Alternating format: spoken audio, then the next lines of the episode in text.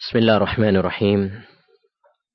إن الحمد لله نحمده ونستعينه ونستغفره ونعوذ بالله من شرور أنفسنا وسيئات أعمالنا. من يهده الله فلا مذل له ومن يذلل فلا هادي له. أشهد أن لا إله إلا الله وحده لا شريك له وأشهد أن محمدا عبده ورسوله. Amma ba'd. Kaum muslimin dan kaum muslimat yang dirahmati oleh Allah Subhanahu wa taala.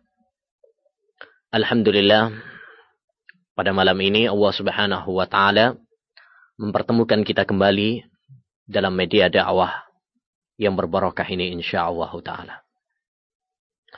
Kaum muslimin dan kaum muslimat yang dirahmati oleh Allah Subhanahu wa taala. Insyaallah kajian kita kali ini mengambil tema tashabbuh dengan orang-orang kufar. Tashabbuh yakni menyerupai orang-orang kafir. Yang insya Allah akan menjadi topik pembahasan kita kali ini. Pembahasan ini ma'asyirul muslimin wal muslimat pembahasan yang sangat penting. Karena Allah Subhanahu wa taala telah menjelaskan masalah ini dalam Al-Qur'an. Dan juga Rasulullah sallallahu alaihi wasallam dalam banyak hadisnya. Dan apa yang telah dijelaskan oleh Allah dan apa yang telah dijelaskan oleh Rasulullah dalam banyak tempat hal itu menunjukkan pentingnya suatu pembahasan. Allah Subhanahu wa taala berfirman dalam surat Al-Baqarah ayat 120.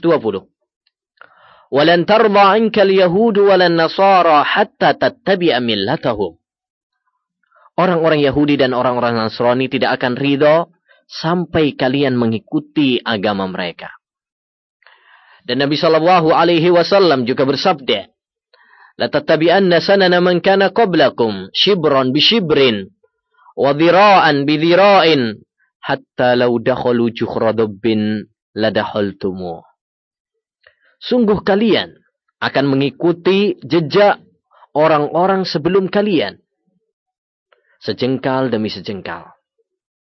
Sehingga, kalau seandainya mereka masuk ke lubang bab, binatang sejenis biawak, sehingga uh, kalian niscaya akan mengikuti mereka juga.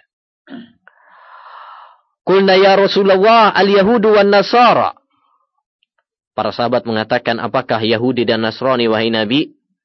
Ya, qala faman kata Nabi, siapa lagi kalau bukan mereka? Dan Nabi Shallallahu alaihi wasallam juga bersabda, "Man tashabbaha biqaumin fahuwa minhum." Barang siapa yang menyerupai satu kaum, maka dia termasuk golongan di antara mereka. Ayat-ayat dan hadis-hadis yang telah saya bacakan tadi, ma'asyiral muslimin wal muslimat, menunjukkan kepada kita betapa Islam ya mementingkan masalah ini dan melarang keras masalah ini. Ya, sehingga hal ini perlu diperhatikan oleh kaum muslimin agar tidak terjerumus. Yaitu mengikuti langkah orang-orang kafir. Mengikuti model gaya orang-orang kafir. Meniru ya, mencontoh langkah-langkah mereka, gaya hidup mereka, model mereka. Inilah yang disebut dengan tasyabuh. Pembahasan ini semakin penting ma'asyiral muslimin pada zaman kita sekarang ini di mana kita lihat banyak di antara saudara-saudara kita yang notabene mengaku sebagai seorang muslim dan muslimah tetapi banyak di antara mereka yang mengikuti mode orang-orang kafir. Baik karena kebodohan atau karena kesengajaan. Ya. Bahkan seorang ulama ada yang pernah mengatakan bahwa tasyabuhnya kaum muslimin sekarang ini, yakni kaum muslimin mengikuti orang kafir pada zaman kita sekarang ini adalah uh, tasyabuh yang sangat ganas sekali. Karena bukan hanya dalam masalah penampilan, tetapi sudah sampai kepada derajat pemikiran, akidah, ya keyakinan. Mereka mengikuti langkah orang-orang kafir, langkah orang-orang Yahudi dan Nasrani. Oleh karenanya, ma'asyiral muslimin pada kesempatan ini insya Allah akan kita bahas sekalipun secara singkat. Kalau memang tidak cukup waktunya, maka kita akan sambung pada uh, kesempatan yang lain. Pembahasan yang pertama, pembahasan kita akan kita bagi dalam beberapa pembahasan. Pembahasan yang pertama adalah definisi tasyabuh. Tasyabuh adalah ya, secara bahasa artinya al-mumatsalah, meniru, wat dan mengikuti. Ya, meniru dan mengikuti. Adapun secara syar'i, tashabbuh secara syar'i adalah mumatsalatul kafirin, menyerupai atau meniru orang-orang kafir. Bisyatta asnafihim dengan corak model mereka. Baik ahlul kitab Majusi, Buddha, Hindu, pokoknya selain orang Islam fi aqaidihim dalam keyakinan mereka au ibadatihim atau ibadah mereka au adatihim atau adat mereka au fi anma'is sulutil lati hiya min khasaisihim atau ahlak yang itu termasuk kekhususan kekhususan mereka. Jadi yang namanya tasyabbuh adalah meniru atau mengikuti keyakinan orang-orang non-muslim baik dalam keyakinan mereka atau ibadah mereka atau gaya kehidupan mereka atau akhlak mereka yang itu merupakan kekhususan bagi mereka. Khas mereka. Ini yang disebut dengan tasabuh. Dari sini dapat kita ambil satu faedah. Apabila suatu perilaku atau gaya kehidupan orang-orang kafir, tetapi hal itu bukan merupakan ciri khas orang-orang kafir, maka ini bukan termasuk tasyabuh. Ma'asyiral muslimin rahimani wa rahimakumullah. Apa hukumnya tasyabuh? Tashabbuh hukumnya adalah haram. Berdasarkan dalil-dalil yang sangat banyak sekali. Yang sebagiannya telah saya sebutkan di atas. Seperti hadis Nabi sallallahu alaihi wasallam, "Man tashabbaha biqaumin fahuwa minhum." Barang siapa yang menyerupai suatu kaum, maka dia termasuk golongan mereka. Hadis Hasan. Hadis ini adalah sahih. Siapa yang mengikuti menyerupai suatu kaum, maka dia termasuk golongan mereka. Dan hukum tasyabuh ini terbagi menjadi dua. Ada yang hukumnya adalah haram. Bahkan masuk derajat uh, yang pertama adalah kekufuran ya, meniru orang-orang kafir sampai derajat kepada kekufuran. Ini kafir. Hal ini seperti kalau menyerupai mereka dalam masalah-masalah akidah. Ya.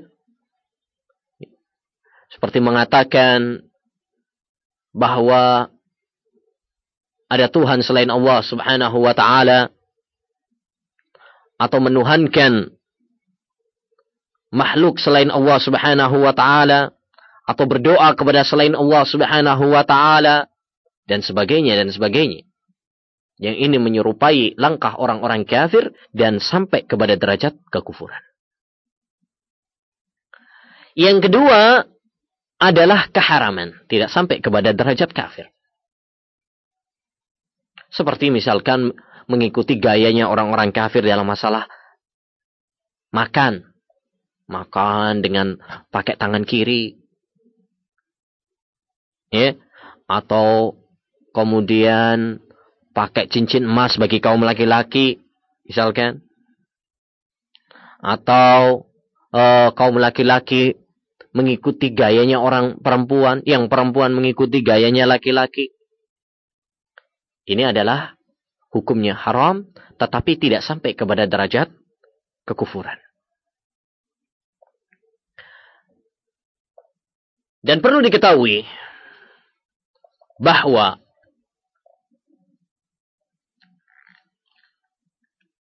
tasyabuh dengan orang-orang kufar terbagi menjadi tiga. Yang pertama adalah haram secara mutlak.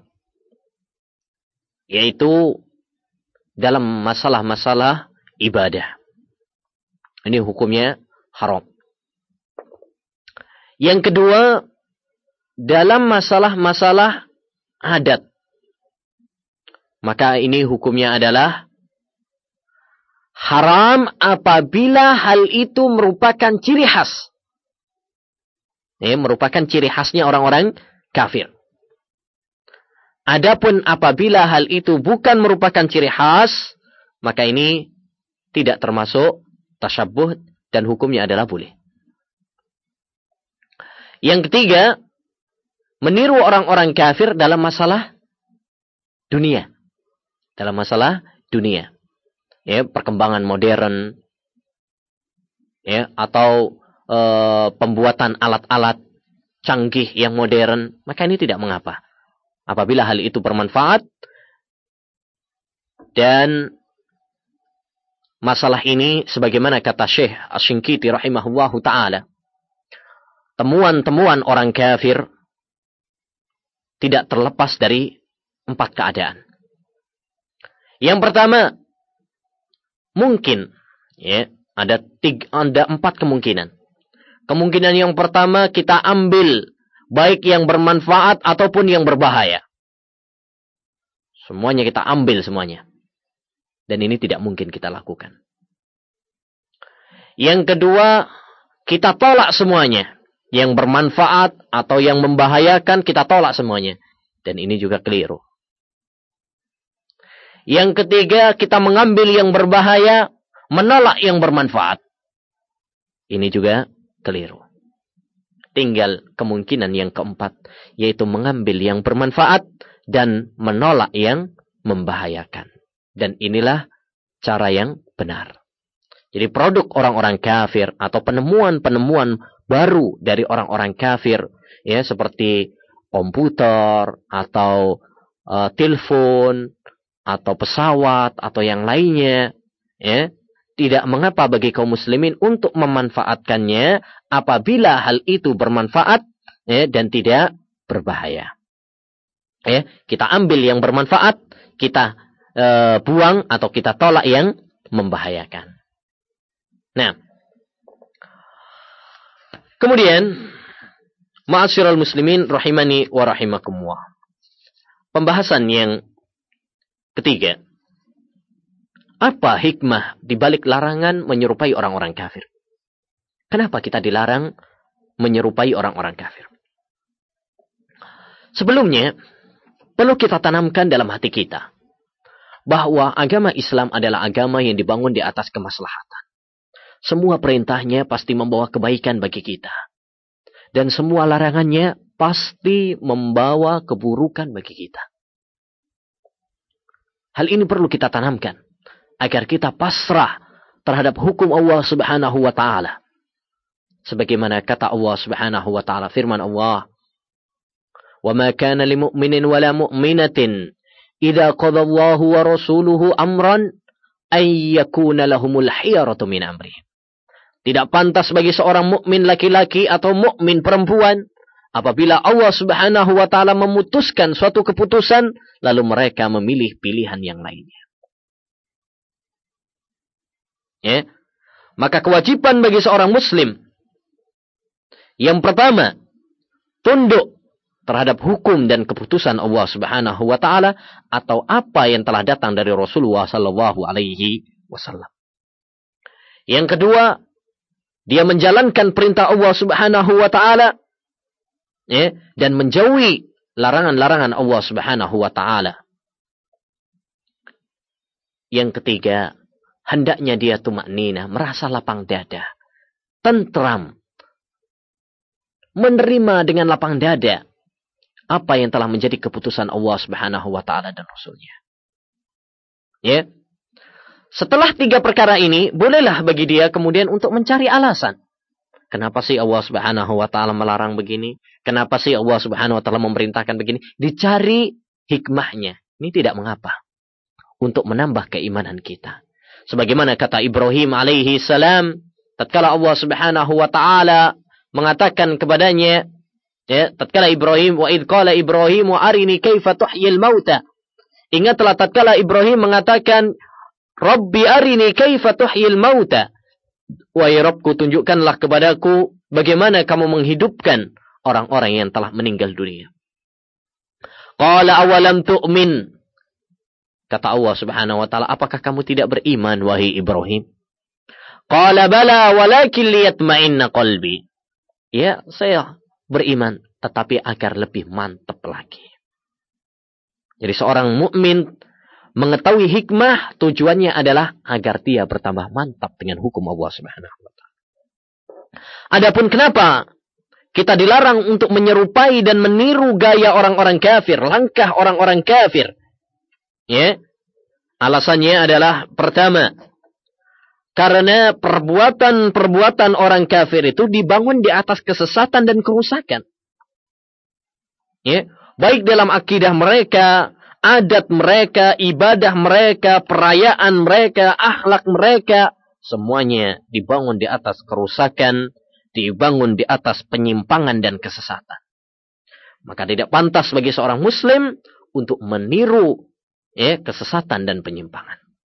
Anggaplah ada yang baik di antara mereka melakukan suatu kebaikan, itu pun tidak diterima oleh Allah Subhanahu wa taala sebagaimana kata Allah Subhanahu wa taala wa qadimna ila ma amilu min amalin faja'alnahu haba'an manthura. Kami jadikan apa yang mereka perbuat itu ya kami jadikan seperti debu yang berterbangan. Tidak ada manfaatnya. Yang kedua alasan kenapa kita dilarang untuk mengikuti orang-orang kafir? Karena hal itu akan menjadikan kita takjub kepada mereka, ya, menyanjung mereka, mencintai mereka, sehingga kita akan mengikuti langkah mereka dan meninggalkan atau merendahkan agama kita, yaitu agama Islam. Dan ini sangat nampak.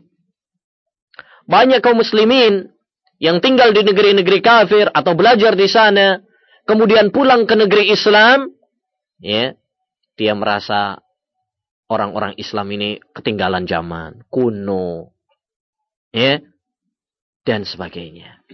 Sehingga dia takjub uh, dengan apa yang dia lihat di negara-negara Eropa, negara-negara Barat dan sebagainya. Nah ini, ini adalah satu hal yang sangat memprihatinkan masyarakat muslimin. Karena orang yang meniru, ya, mengikuti ini sekalipun secara luar dan bisa mempengaruhi sampai kepada batin. Ya, hal ini terbukti secara nyata. Kalau kita misalkan pergi ke suatu daerah, ya, orang Indonesia misalkan pergi ke Mekah misalkan. Dia nggak ada yang dikenal di sana. Terus sampai di sana ketemu orang Indonesia. Masya Allah. Ya, senangnya bukan main itu. Kenapa? Karena sama. Ketemu orang yang sama-sama bahasanya, sama uh, apa namanya pakaiannya sama, adat kebiasaannya sama. Jadi orang yang sesuai dalam masalah zahir itu mempengaruhi di dalam batin. Ya, misalkan saja kalau ada orang yang eh, gampangannya ya, kalau ada orang misalkan dia santri, pas bepergian ketemu orang yang santri juga, wah seneng itu. Atau seorang tentara, Ya, ketika bepergian ketemu sama tentara juga, seneng, pengalamannya banyak. Wow, nanti sambil bincang-bincang. Seorang dokter demikian. Jadi orang yang sama-sama dohirnya itu bisa memancing akan adanya kecintaan di dalam batin. Ya, oleh karenanya kenapa kita dilarang untuk mencintai orang-orang kafir? Ya, karena uh, kalau kita mengikuti orang-orang kafir secara penampilan, hal itu akan menjurus dan me menyebabkan kita mencintai orang-orang kafir dan meninggalkan agama kita yang mulia, yaitu agama Islam. Pembahasan yang selanjutnya yaitu kaidah-kaidah seputar tasyabbuh. Agar kita memahami secara bagus tentang masalah tasyabbuh ini, saya akan sampaikan beberapa kaidah yang sangat penting sekali berkaitan tentang masalah tasyabbuh. Saya ambilkan dari buku At-Tashabbuh Al-Manhi Anhu fil Fikil Islami yang ditulis oleh Syekh Jamil bin Habib Al-Luwaihi.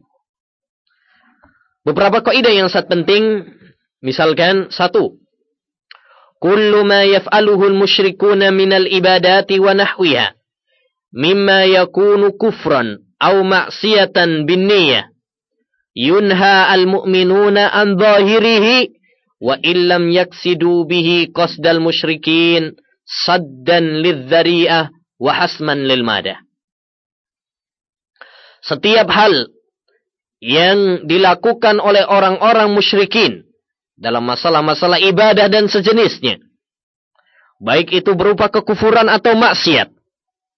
Maka orang-orang mukmin dilarang untuk menirunya sekalipun dia tidak punya niat ya, meniru orang kafir. Jadi nggak boleh secara mutlak. Tasyabuh itu nggak boleh secara mutlak. Baik ada niat ataupun tidak ada niat. Untuk apa? Saddan lidzari'ah. Untuk membendung semua jalan. Ya, semua jalan. Saddud dzari'ah. Seperti misalkan, sebagai contoh. Orang misalkan pakai salib. Pakai salib. Ini adalah ciri khas orang-orang kafir. Kalau ada orang muslim misalkan kemudian dia pakai kal pakai kalung salib. Ya, kemudian kita ingkari. Mas kok pakai salib sih? Itu kan ciri khasnya orang kafir. Kemudian dia mengatakan, loh saya nggak ada niat untuk meniru atau mengikuti orang kafir. Nggak ada niat. Wah, saya nggak ada niat. Ucapan ini salah. Walaupun kamu tidak punya niat, ini tidak diperbolehkan. Kalau ada niat, jelas hukumnya haram. Ya. Kalau tidak ada niat, juga hukumnya haram untuk membendung sarana menuju keharaman. Ya. Dan kaidah saddud dara'i membendung jalan menuju keharaman ini banyak sekali dalil-dalil yang menjelaskan masalah ini. Banyak dalilnya. Ini kaidah, kaidah yang sangat penting sekali. Al-Imam Ibnul Qayyim rahimahullahu taala dalam kitabnya I'lamul Muwaqqi'in menyebutkan 99 dalil tentang kaidah ini. Sehingga dia mengatakan, ya, saya cukupkan 99 dalil ya untuk mengikuti nama Allah Subhanahu wa taala karena nama Allah itu 99. Sebagaimana dalam hadis, "Inna lillahi tis'an wa tis'ina isman." Allah Subhanahu wa taala memiliki 99 nama sekalipun hal ini bukan pembatasan. Kaidah yang kedua, la yakunu tashabbuhu bil kufar illa bifi'li mahtussu bihi min dinihim au min adatihim. Tasyabuh dengan orang kafir itu tidaklah dinamakan tasyabuh kecuali dalam masalah-masalah yang itu merupakan ciri khas mereka dalam agama mereka atau adat mereka. Jadi ini kaidah yang sebenarnya sudah kita singgung di muka, tapi kita tekankan lagi pada kaidah ini karena penting sekali. Jadi apa yang membedakan Kok ini dinamakan tasyabuh atau ini tidak dinamakan tasyabuh? Eh, kaidahnya adalah kalau memang itu merupakan ciri khas orang-orang kafir, maka hal itu e, namanya tasyabuh yang terlarang dan Tetapi kalau hal itu bukan merupakan ciri khas orang-orang kafir, maka ini bukan termasuk tasyabbuh. Ya. Contoh, misalkan uh, orang makan di meja makan. Itu kalau dulu itu termasuk tasyabbuh dengan orang-orang kafir. Karena ini termasuk ciri khas mereka. Itu pada zaman dulu. Tapi kalau pada zaman kita sekarang ini, makan di atas meja makan, ini bukan merupakan ciri khas orang kafir lagi. Muslim juga pakai meja, ya, yang orang kafir juga pakai meja. Jadi bukan merupakan ciri khas. Sehingga tidak termasuk. Demikian juga, uh, apa namanya, dulu ada suatu pakaian yang menutupi kepala gabung dengan dengan baju. Pada zamannya Imam Malik itu termasuk tasyabuh. Oleh karenanya Imam Malik melarang hal itu karena itu termasuk tasyabuh dengan orang-orang Majusi. Karena saat pada zaman beliau itu termasuk tasyabuh, eh, pakaian yang ciri khas orang-orang Majusi. Nah, Al-Hafidh Ibnu Hajar dalam kitabnya Fathul Bari ketika menyampaikan hal itu, beliau mengatakan ini pada zaman beliau. Adapun pada zaman kita sekarang, hal ini bukan merupakan kekhususan orang-orang Majusi sehingga kalau ada seorang pakai pakaian seperti itu tidaklah dinamakan dengan tasyabbuh. Contoh mudah juga pada zaman kita sekarang seperti orang pakai celana jeans. Pendapat yang benar bahwa celana jeans bukanlah tasyabbuh pada zaman kita sekarang ini. Orang misalkan pakai dasi. Pada zaman kita sekarang ini bukan termasuk tasyabbuh. Karena hal ini bukan merupakan ciri khas orang-orang kafir. Bukan merupakan ciri khas orang kafir. Yang namanya ciri khas itu, kalau seandainya ada orang memakainya, ya, maka kita akan mengatakan, wah ini orang kafir ini. Seperti ada orang misalkan pakai salib, wah ini orang uh, ini orang kafir ini. Karena itu merupakan kekhususan mereka. Baik. Kemudian kaidah yang ketiga. Ma kana manhiyan anhu lidzari'ah fa innahu yuf'alu li ajli al-maslahah. Ya. Fa innahu yuf'alu li ajli al-maslahah. Setiap hal yang dilarang karena untuk zari'ah, menutup, membendung maka hal itu boleh dilakukan kalau memang ada maslahat yang lebih besar. Ya. Ini satu kaidah juga. Karena apa yang diharam disebutkan oleh para ulama bahwa keharaman itu terbagi menjadi dua. Ada yang keharaman itu karena zatnya. Maka ini nggak boleh secara mutlak. Yang kedua adalah haram karena yang lainnya. Ya, karena yang yang lainnya. Seperti misalkan uh, kenapa dilarang menulis di kuburan? Ya. Ini ada terlarang karena menjurus kepada gulu kepada kuburan. Berlebihan. Ya. Taib. Jadi kaidah ini adalah kaidah yang penting juga. Apabila sesuatu hal itu diharamkan karena sekedar untuk membendung, maka kalau memang ada maslahat yang lebih besar, boleh dilakukan.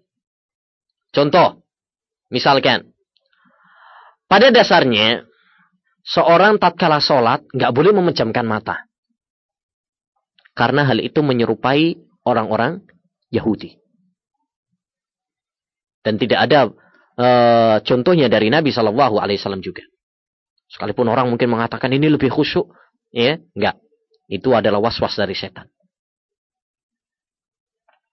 Taib. Ini pada asalnya, enggak boleh. Orang sholat kemudian memejamkan mata terus, ya, merem. Ini enggak boleh. Karena nggak ada contohnya dan itu menyerupai orang-orang Yahudi. Namun, ya, kalau suatu saat misalkan ketika dia sholat ada suatu hal yang mengganggu dia. Ya, ada hal yang mengganggu dia. Di depannya misalkan ada uh, coretan-coretan atau tulisan-tulisan yang kalau dia membuka matanya, dia akan terganggu sholatnya. Ya, atau hal-hal yang bisa mengganggu konsentrasi kekhusuan sholatnya. Dalam kondisi seperti ini, maka hukumnya adalah ya, diperbolehkan. Diperbolehkan seorang memejamkan mata, ya, bukan karena itu pada dasarnya ibadah, karena ada yang lain yang lebih maslahat. Yaitu karena memang ada yang mengganggu konsentrasi dan kekhusuan sholatnya tadi. Kaidah yang keempat, ya,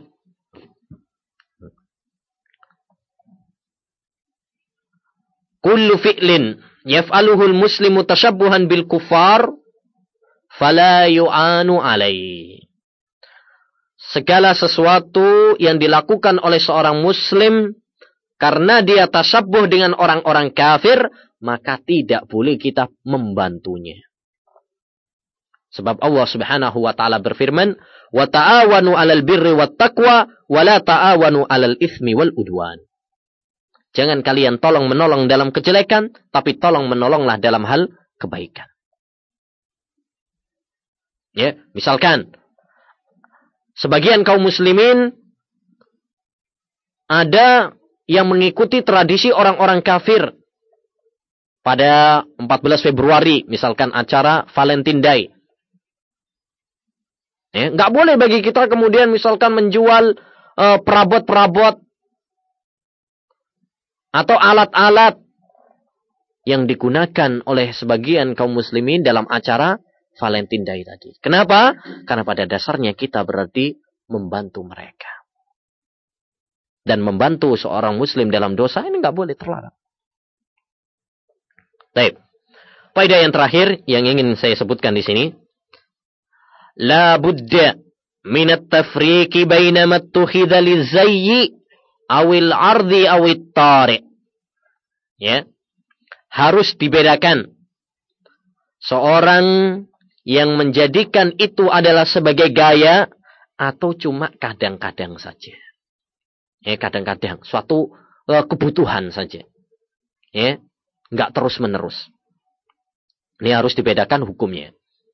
Misalkan uh, pada dasarnya dilarang bagi kaum muslimin bagi kaum laki-laki untuk meniru gayanya orang-orang wanita. Atau wanita meniru gayanya kaum laki-laki. Atau pakai pakaiannya kaum laki-laki. Nggak boleh bagi kaum laki-laki pakai kaum pakai pakaiannya kaum wanita, wanita pakai kaum pakai pakaiannya kaum laki-laki ini nggak boleh pada dasarnya. Ya, tapi misalkan kadang-kadang ada eh, seorang mungkin karena cuma ngetes misalkan atau mungkin selimutan. Ya hanya terkadang-kadang saja. Ya dan untuk suatu hal yang penting dia memakainya. Misalkan di rumahnya kemudian pakai pakaian istrinya. Kadang-kadang saja. Maka ini tidak termasuk tasabuh yang terlarang. Ya sekalipun hal itu uh, hendaknya perlu dihindari, ya. Tapi kita harus membedakan antara seorang yang menjadikan itu sebagai gaya atau hal itu sebagai cuma sekedar eh, kadang-kadang uh, yang ada kebutuhannya saja. Pembahasan yang selanjutnya yaitu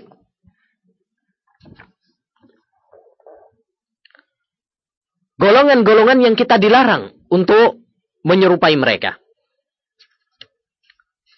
Kita dilarang untuk menyerupai beberapa golongan sebagai berikut. Yang pertama, al-kuffar, orang-orang kafir. Ini jelas, ya. Baik dia adalah ahlul kitab, Yahudi dan Nasrani, Majusi, dan sebagainya. Tidak boleh bagi kita untuk mengikuti mereka. Demikian juga golongan yang kedua yang kita dilarang untuk uh, menyerupai mereka juga adalah al-jahiliyun, orang-orang jahiliyah. Yaitu agama sebelum Islam. Tidak boleh bagi kita untuk mengikuti mereka. Oleh karenanya banyak Nabi Shallallahu Alaihi Wasallam menyebutkan dalam hadisnya hal-hal yang itu merupakan perkara-perkara jahiliyah yang perlu bagi kita untuk menghindarinya. Ya, dan tidak boleh bagi kita untuk mencontoh mereka.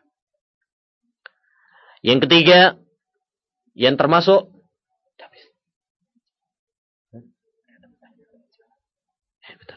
uh, yang termasuk dilarang juga adalah ahlul bid'ah. Kita tidak boleh mengikuti hal-hal yang itu merupakan ciri khas ahlul bid'ah. Ya.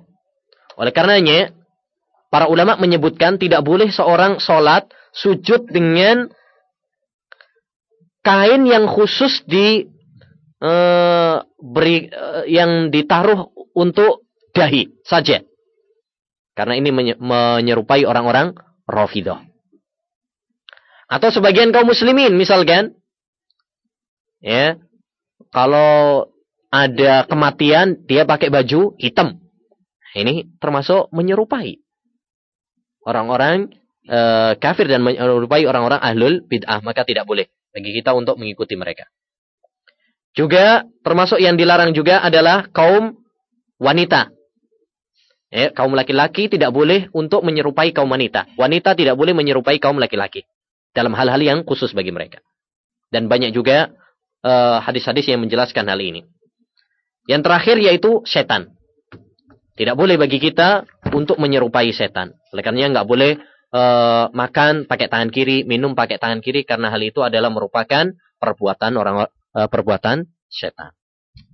Demikian kaum muslimin rahimani wa rahimakumullah yang dapat kita sampaikan pada kesempatan ini. Sebenarnya masih ada beberapa pembahasan. Insya Allah kita lanjutkan pada uh, pertemuan berikutnya. Para pendengar yang dirahmati Allah Subhanahu wa taala, di sini ada pertanyaan lewat SMS. Assalamualaikum. Ada yang mengatakan kalau ulang tahun itu termasuk tasabuh kepada orang kafir. Apakah benar pertanyaan pernyataan tersebut Ustaz? Jazakumullah khairan. Ya. Insya Allah nanti akan kita bahas beberapa contoh yang itu termasuk uh, tasyabuh dengan orang-orang kafir, mengikuti orang-orang kafir. Insya nanti akan kita bahas. Yang salah satunya adalah perayaan-perayaan. Ya, perayaan-perayaan, perayaan dalam Islam, ya, dalam setiap tahunnya hanyalah ya, Idul Fitri dan Idul Adha. Idul Fitri dan Idul Adha. Adapun perayaan-perayaan selain dari kedua itu, maka hal ini tidak ada dasarnya dalam agama. Bahkan kebanyakannya adalah termasuk ya, tasyabuh dengan orang-orang kafir. Seperti misalkan tadi yang saya sebutkan, ya, perayaan Valentine Day, itu adalah uh, tasyabuh dengan orang-orang kafir. Dan termasuk yang disebutkan oleh penanya, yaitu uh, perayaan ulang tahun ini tidak ada dasarnya dalam agama, bahkan itu adalah impor dari orang-orang kafir. Ya, yang banyak ya dalam film-film misalkan atau di televisi-televisi yang itu pada hakikatnya adalah me, uh, mensponsorkan ya dan merupakan kewajiban bagi seorang muslim untuk ya, mengingkari hal itu dan tampil beda ya tidak tertipu dengan sponsor-sponsor yang terdapat di dalam televisi atau yang lain. Ya, kita harus berpegang kepada agama kita, Al-Quran dan hadis Nabi SAW. Kita harus bangga dengan pedoman hidup kita, yaitu Al-Quran dan hadis. Dan tidak uh, perlu dengan uh, adat-adat atau perayaan-perayaan yang bukan dari Islam. Ya. Mungkin ini pertanyaan satu terakhir. Ustadz, dulu Ana pernah kerja sama orang kafir, akan tapi sekarang sudah tidak lagi. Hanya saja, kami masih sering komunikasi sekedar tanya kabar karena keakraban kami. Apakah itu diperbolehkan? Jazakumullah khairan. Berbuat baik kepada orang kafir tidak masalah. Ya, berbuat baik dengan orang kafir tidak menjadi masalah. Kita menanyakan kabar mereka karena itu adalah mungkin kerabat kita atau karena tetangga kita, ya.